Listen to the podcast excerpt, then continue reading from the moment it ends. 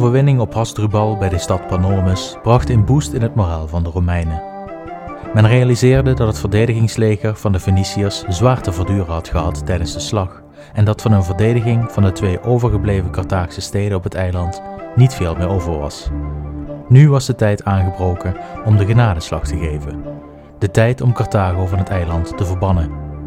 Welkom bij aflevering 45 van de geschiedenis van het Romeinse Rijk. Romeins Sicilië.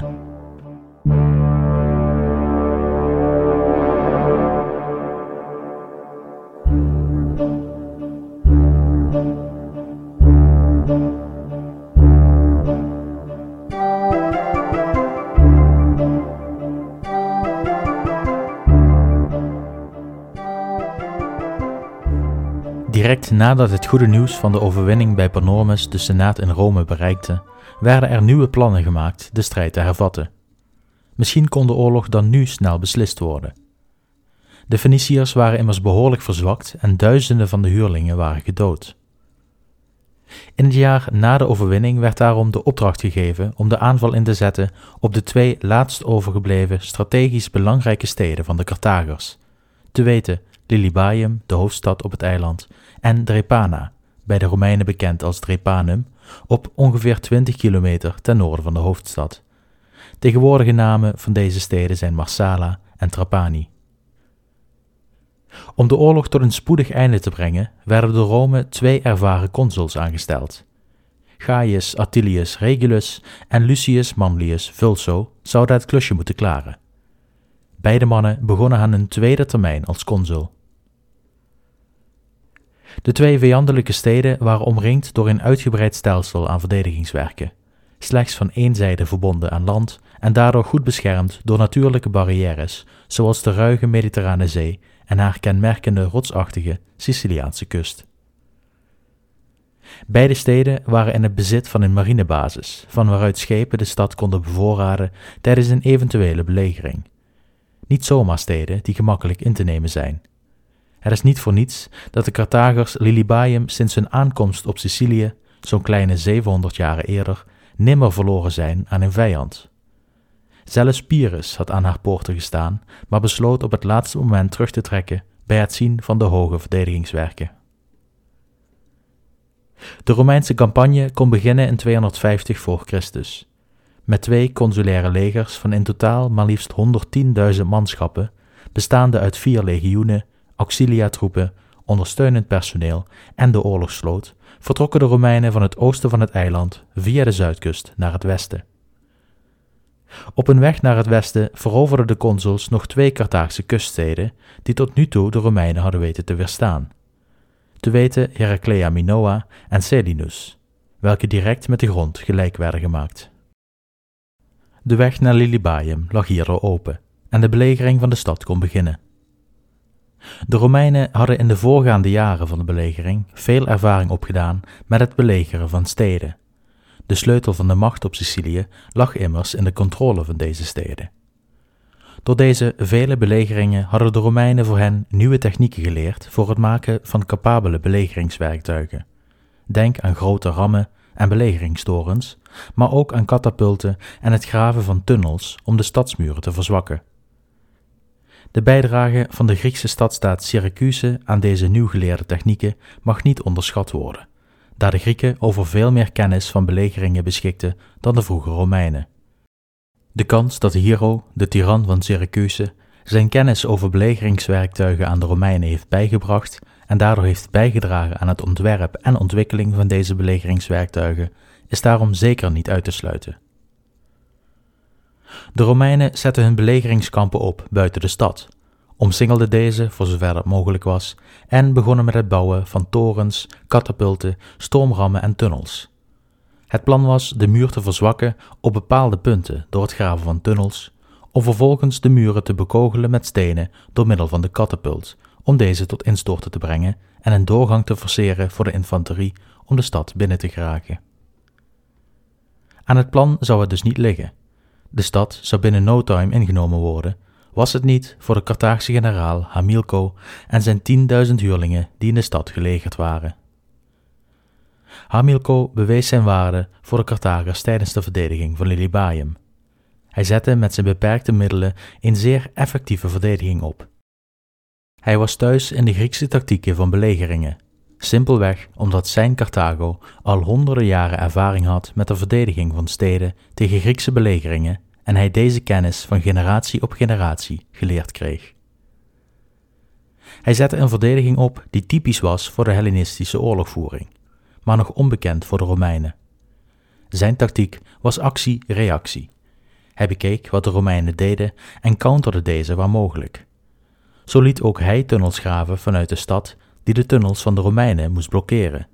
Liet hij regelmatig troepen uit de stad breken om net gebouwde belegeringswerktuigen in de nacht in de fik te steken, en liet hij een tweede stadsmuur bouwen, enkele tientallen meters achter de eerste muur, in geval van een doorbraak. Hier later meer over. De stad bleek moeilijker in te nemen dan gedacht voor de Romeinen. En dus werd vanaf nu alle aandacht gericht op één deel van de muur, het zuidwestelijke puntje. De Romeinen gooiden alles in hun macht op dit puntje van de muur, en het leek te werken. De muur brokkelde af en gaf tekenen van verzwakking.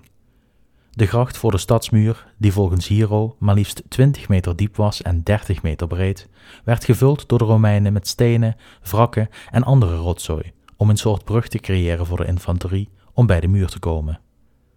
Maar dit bleek voorbarig, want iedere nacht slaagden de verdedigers erin de muren en de verdedigingstorens te repareren en met felle uitbraken vele belegeringswerktuigen van de vijand in de fik te zetten. De uitbraken waren zo meedogenloos dat Polybius de doden en gewonden als gevolg ervan in aantallen vergelijkt met een grote veldslag. De belegering duurde steeds langer voort, zonder enige vooruitgang. Langzaam stapelden de slachtoffers zich met name aan de Romeinse kant op. Niet alleen de uitbraken zorgden voor doden en gewonden, maar ook ziektes en voedselschaarste waren wederom een probleem. De combinatie van slecht en onvoldoende onderdak, ziekten en bedorven vlees zorgde voor veel slachtoffers onder de Romeinse gelederen. Een directe bestorming van het fort leek hierdoor geen optie, en dus bleven er nog twee opties over: verraad of uithongering. Te beginnen met verraad. Zoals gezegd bestond het leger van Carthago met name uit huurlingen. In Lilybaeum waren dat met name Spaanse, Libische en Gallische huurlingen en een kleine groep Griekse. De Gallische huurlingen stonden onder leiding van ene Autariatus en bleken bijzonder onbetrouwbaar. Niet alleen in de slag om Lilybaeum, maar ook later in Afrika en weer later terug in Gallisch grondgebied. Onder de Gallische rangen werden plannen gesmeed om de stad te verraden en over te leveren aan de Romeinen voor ongetwijfeld een mooi prijsje. Er werd behoorlijk gelobbyd onder de soldaten om hen te overtuigen hun opdrachtgevers in Carthago te verraden.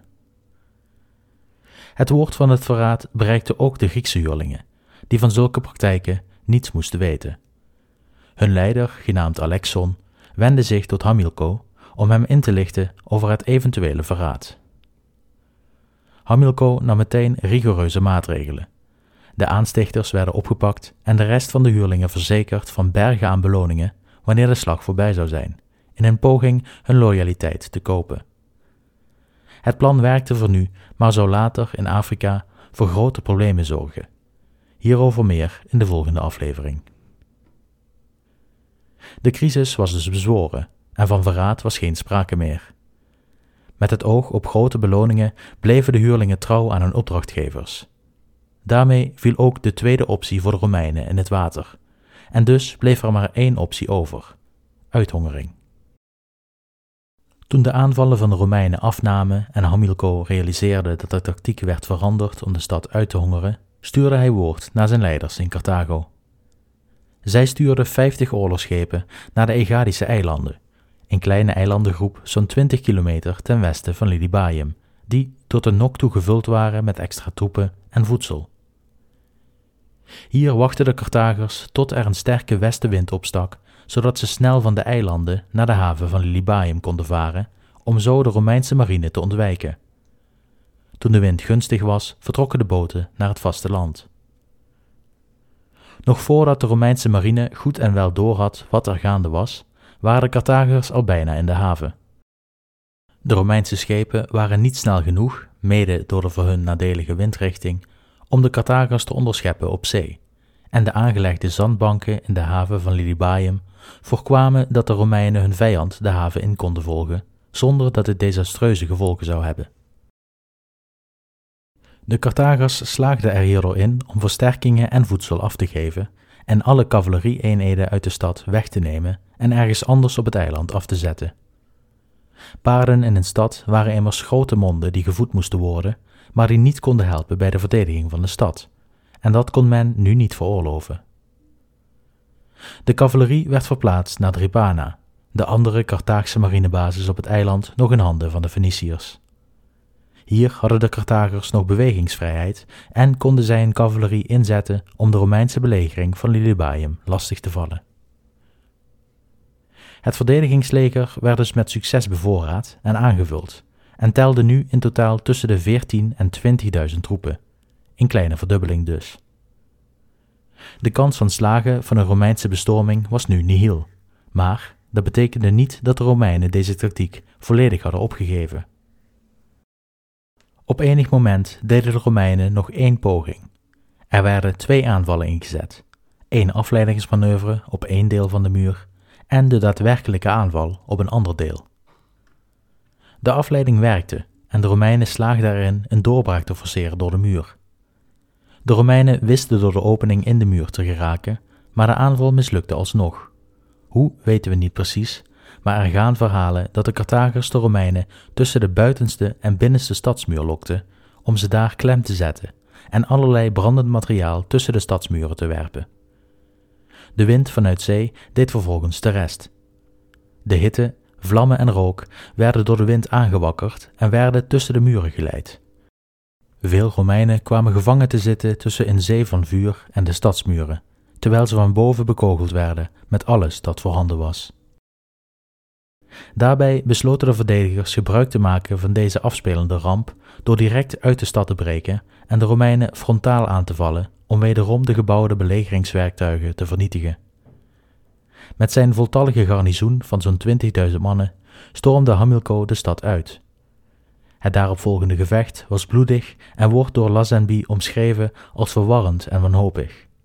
Het lukte Hamilco uiteindelijk wederom om de werktuigen volledig te vernietigen. Zijn aanval was een groot succes. Het was een dag met een hoog aantal Romeinse slachtoffers, en het was de laatste aanval van de Romeinen op de stad. Om een nieuwe uitbraak uit de stad te voorkomen, bouwden de Romeinen nu een eigen muur in de vorm van een houten palissade, die de stad volledig omsingelde. Dit maakte een sortie onmogelijk, maar beperkte ook de Romeinen in hun toekomstige aanvallen. De tactiek veranderde hierdoor definitief. Vanaf nu werd alleen nog uithongering nagestreefd. De uithongering verliep echter niet naar behoren. De Carthaagse haven was dan wel omsingeld door Romeinse schepen, maar het nachts ondernamen de Carthagers bevoorradingspogingen met speciaal ontworpen schepen die de blokkade konden ontwijken en er doorheen konden glippen. Het waren kleine, snelle en manoeuvreerbare boten die tot de nok toe gevuld waren met voedsel voor de verdedigers. Als de Romeinen de stad zouden willen overwinnen, moesten de bevoorradingsroutes over zee geblokkeerd worden. In eerste instantie probeerden de Romeinen de haven af te sluiten door enkele schepen volgeladen met stenen, hout en andere rotzooi in de opening van de haven tot zinken te brengen, zonder resultaat. Vervolgens probeerde men met een houten havenketting de haven af te sluiten, maar door het onstuimige weer en de ruwe zee bleek ook dit onmogelijk. Terwijl de belegering rond Lilybaeum de facto stil was komen te liggen, organiseerden de Carthagers vanuit Drepana en het dichtbijgelegen fort Erix aanvallen op de Romeinse belegeringsmacht. Drepana was een doorn in het oog voor de Romeinen. Niet alleen werden ze vanuit hier via land aangevallen, maar de haven van de stad werd ook nog eens gebruikt om Lilybaeum te bevoorraden. En dus werd er in 249 voor Christus besloten, reeds één jaar na het begin van de belegering, om Drepana aan te vallen via zee. Dit was het plan van een van de twee nieuwe consuls van dat jaar. Zijn naam was Publius Claudius Pulcher, vertaald Publius Claudius de Knappe. Hij was een zoon van Publius Claudius de Blinde, de zeer gerespecteerde senator waar we eerder in de podcast over hebben gehoord. Zijn plan was om door middel van de Romeinse marine de haven van Drepana af te sluiten, met de Carthaagse vloot nog daar aangelegd. Met de vijandelijke vloot gevangen zou het een makkelijk klusje zijn deze te vernietigen en zo de bevoorrading van Lilybaeum te stoppen. Na goed Romeins gebruik moesten voor een aanval de goden geraadpleegd worden. Dit deed Pulcher door gebruik te maken van kippen, een veelgebruikte ceremonie tijdens militaire campagnes. Hij gaf ze op het dek te eten. Als de kippen zouden eten, dan waren de voortekenen gunstig en kon de aanval beginnen. Aten ze niet, dan was dit een slecht voorteken en moest men wachten tot de kippen de Romeinen gunstiger gezind waren. Pulcher strooide graan uit voor de kippen, maar deze weigerden te eten. Na nog een poging die wederom mislukte, pakte Pulcher de kippen bij de nek en wierp hij ze overboord, met de legendarische woorden: Als ze niet willen eten, laat ze dan drinken. Waarna hij het bevel gaf de schepen gereed te maken voor de aanval. Die nacht vertrokken Pulcher en zijn vloot richting Drepana. De navigatie tijdens de nacht bleek moeilijker dan gedacht. Onstuimig weer en slecht zicht als gevolg hiervan zorgden voor een verspreiding van de Romeinse schepen, iets dat absoluut niet de bedoeling was. Door deze breuk in de formatie konden de schepen worden opgemerkt door Carthaagse scouts aan de kust, die de marine in Drepana onder leiding van Atterbal verwittigden. De aanval van de Romeinen kwam compleet onverwacht, maar Adderbals schepen waren bij toeval al gereed gemaakt om de zee op te gaan. Hij ontwaakte zijn garnizoen en liet deze op de boten laden als mariniers. Hij vertrok met de grootst mogelijke haast uit de haven en wist net op tijd uit de haven te glippen voordat deze kon worden afgesloten door de Romeinen. Net buiten de haven waren twee kleine eilandjes die Adherbal dekking gaven zodat deze ongemerkt uit de haven kon ontsnappen. Eenmaal in dieper water hergroepeerde Adherbal zijn vloot en zette hij de tegenaanval in op de Romeinen, die totaal blind waren voor wat hen te wachten stond. De Romeinen benaderden de haven vlak langs de kust via de zuidkant. Men verwachtte de vijand in de haven te blokkeren en hadden geen idee dat deze reeds vertrokken was en nu vanuit de open zee op en afstormde. Toen de eerste Romeinse schepen de haven bereikten en zagen dat de Carthaagse vloot vermist was, beval Pulger de schepen terug te trekken uit de haven en zich op te stellen in gevechtsformatie. De communicatie tussen de schepen was verschrikkelijk. Terwijl de eerste schepen een draai maakten, botsten de tweede linieschepen op de eerste. Men blokkeerde elkaar en in sommige gevallen werden de schepen zelfs door elkaar beschadigd. De zeemanskunsten van deze Romeinse vloot was nog niet naar behoren. Terwijl de Romeinse vloot met elkaar in de clinch lag en men een gevechtsformatie probeerde te realiseren, gaf Adherbal het bevel met enkele schepen de Romeinse route richting Lilybaeum af te sluiten. Zonder dat Pulcher het wist, zat zijn vloot vast tussen de kust en vijandelijke schepen. De Romeinen hadden zich ondertussen opgesteld in een rij gericht naar het westen, met de kust achter hen, waardoor ze niet konden worden geflankeerd.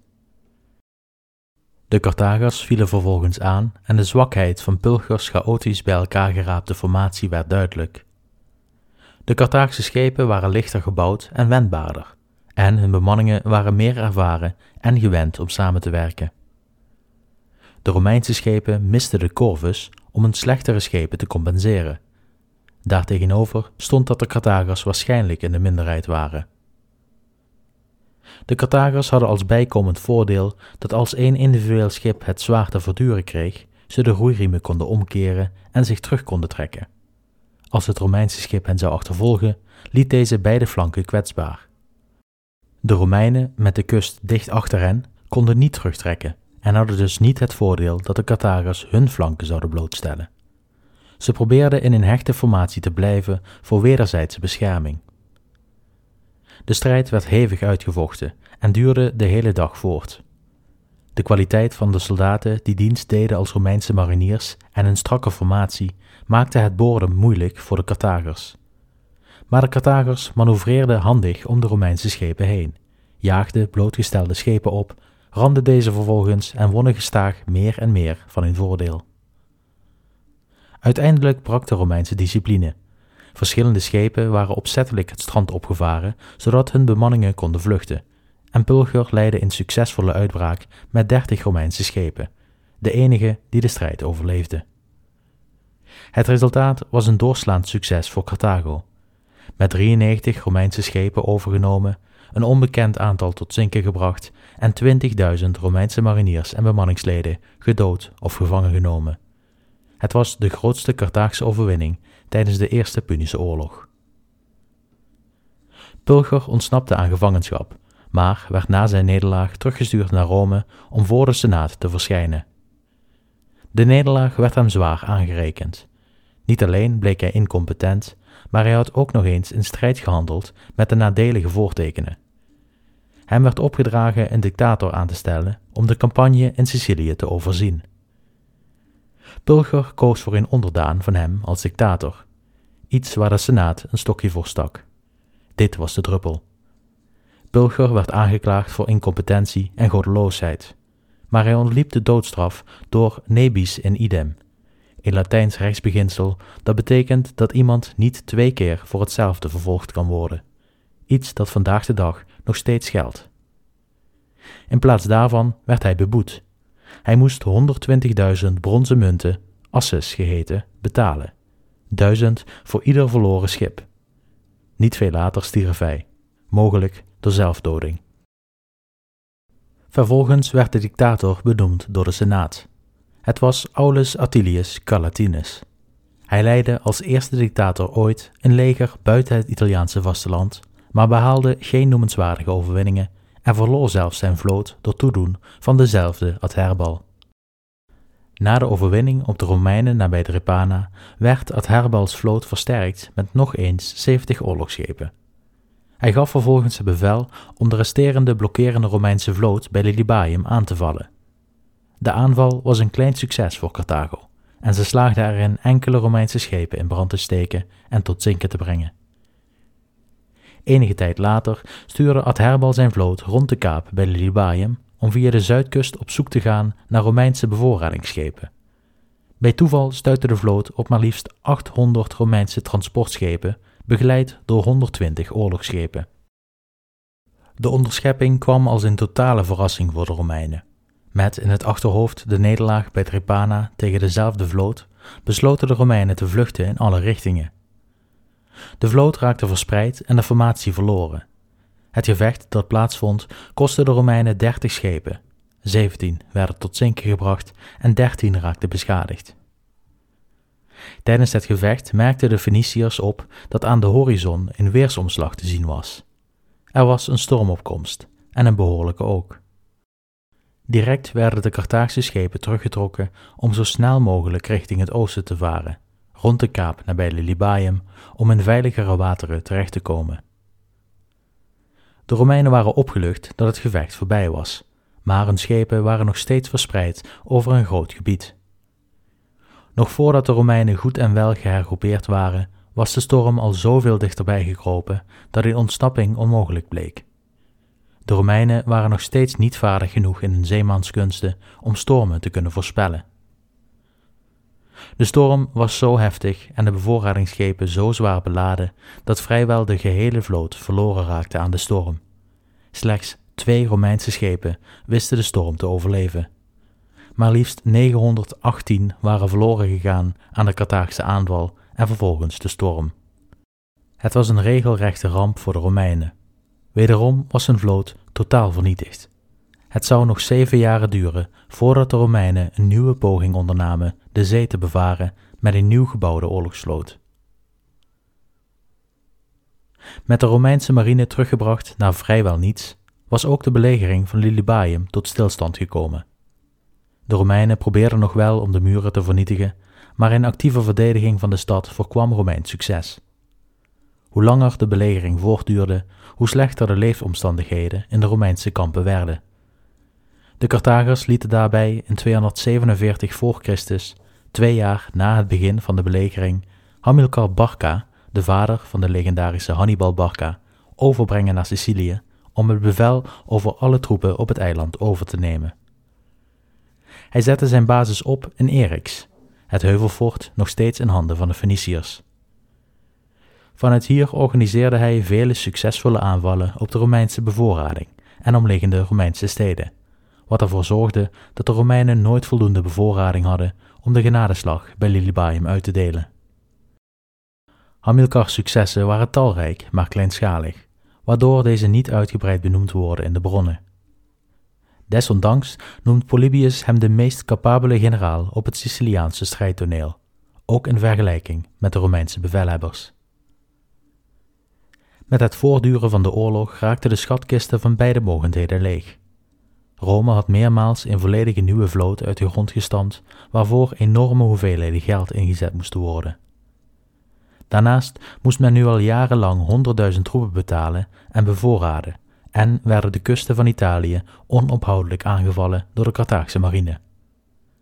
De schade liep behoorlijk in de papieren, en aangezien de belegering van Lilybaeum geen overwinnaar zou opleveren in de nabije toekomst, werden de financiën en middelen naar een minimum teruggedraaid. De belegering bleef nog wel in stand, maar er werden geen pogingen meer ondernomen de stad in te nemen. Ook de Carthagers zagen steeds vaker rode cijfers in de huishoudboekjes. De Carthaagse vloot werd teruggeroepen naar de hoofdstad, waar ze buiten gebruik werden gesteld. Waar had men immers een vloot voor nodig als de vijand geen marine had? De onderhoudskosten van een actieve vloot waren enorm, en dus werd besloten deze te ontmantelen om kosten te besparen. Iets waar de Carthagers achteraf gezien enorme spijt van zullen krijgen.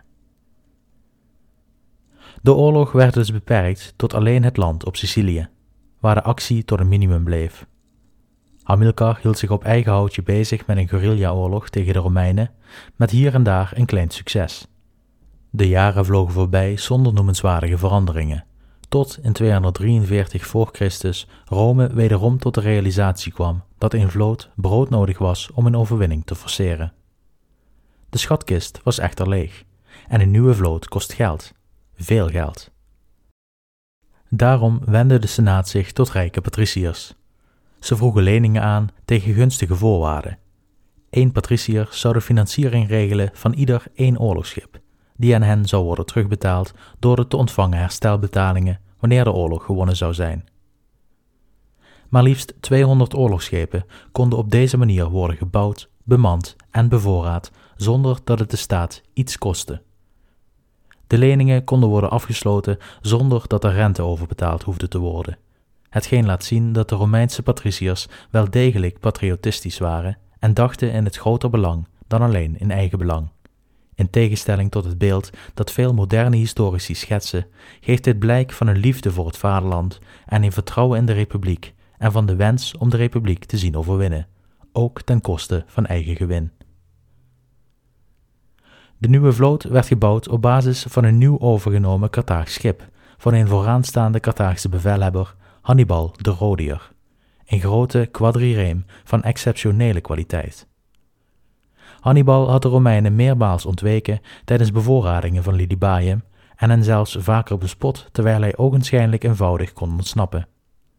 Zijn schip was van groter formaat dan de eerdere quadriremen die de Romeinen hadden gebruikt voor het ontwerp van een oudere, eerdere vloot.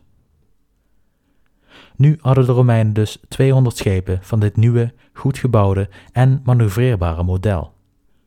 Ditmaal zouden de Romeinen niet onderdoen voor een tegenstander qua het model van hun schip. Alleen de achterstand in ervaring moest ingelopen worden. De bevelhebbers over deze nieuwe vloot waren consul Gaius Latius Catulus en zijn pretor Quintus Valerius Falto en zij zetten een grondig programma op voor de bemanning, zodat deze goed getraind aan het strijdtoneel zouden kunnen deelnemen.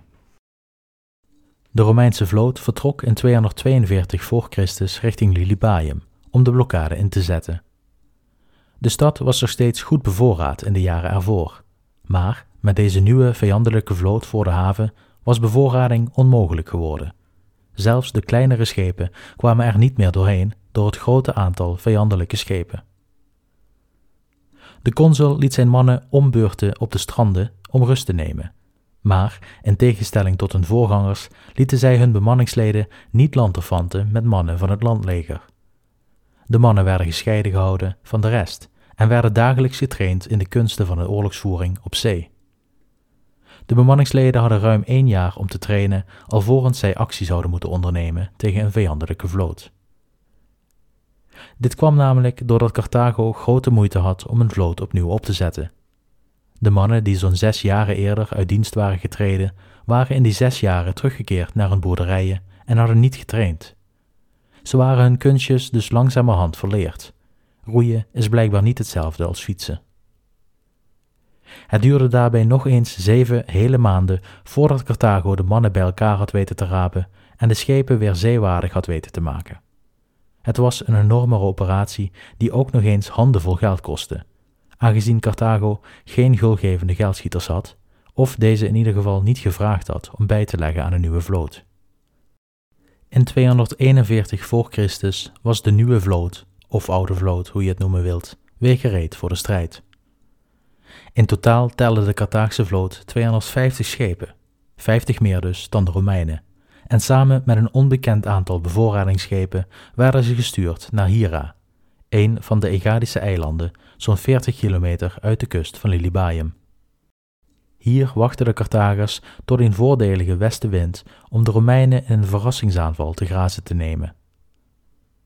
De Carthaagse vloot werd opgemerkt door Romeinse verkenners, en Catulus verliet de blokkade en nam aan boord van zijn 200 schepen een volledige groep mariniers van de soldaten van het belegerende Romeinse leger. De Romeinse vloot zeilde vervolgens voor anker voor het eiland Augusta, 16 kilometer vanuit Sicilië. De volgende ochtend, 10 maart 241 voor Christus, waaide de wind uit het westen. Hanno, de Carthaagse bevelhebber van de vloot, vertrok onmiddellijk naar Lilybaeum. Catulus maakte een afweging tussen het risico van aanvallen met wind tegen en het risico dat Hanno Sicilië zou bereiken om Lilybaeum, Drepana en het leger van Hamilcar te ontlasten. Ondanks de ongunstige omstandigheden besloot de consul de Carthagers te onderscheppen en beval hij zijn vloot zich voor te bereiden op de strijd. Hij liet de Romeinse schepen van hun masten, zeilen en ander onnodig materiaal ontdoen om ze in ruige omstandigheden meer zeewaardig te maken. Catulus zelf was niet in staat om deel te nemen aan de strijd vanwege verwondingen opgelopen tijdens een eerdere strijd, en dus kreeg zijn pretor Falto het bevel. De tegengestelde vloten kwamen samen ten westen van het eiland Forbantia, het moderne Levanzo. Veel resten van loodankers zijn teruggevonden in de buurt van het eiland, waardoor archeologen speculeren dat de Romeinse vloot hier pauzeerde en hun schepen vervolgens opzettelijk van hun ankers ontdeden om het gewicht dat ze droegen te verminderen. Elk anker woog namelijk 270 kilo. De Romeinen vormden een enkele lijn en roeiden door de zware deining tegen de wind in naar de Carthagers. Omdat ze weinig keus hadden, lieten de Carthagers hun zeilen zakken en gingen ze in de aanval.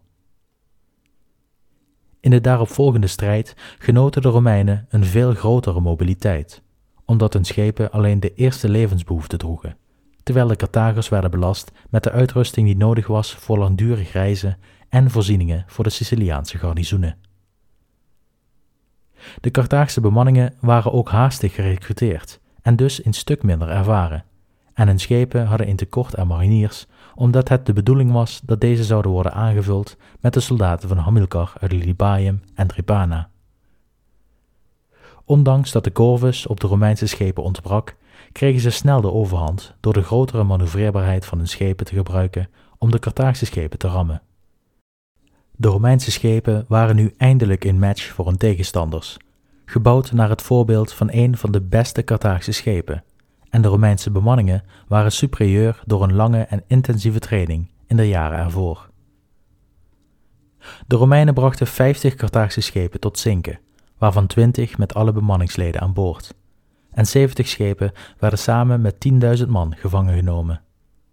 De strijd was desondanks hard en zwaar, en de Romeinen verloren 30 schepen aan de zee en nog eens 50 raakten beschadigd.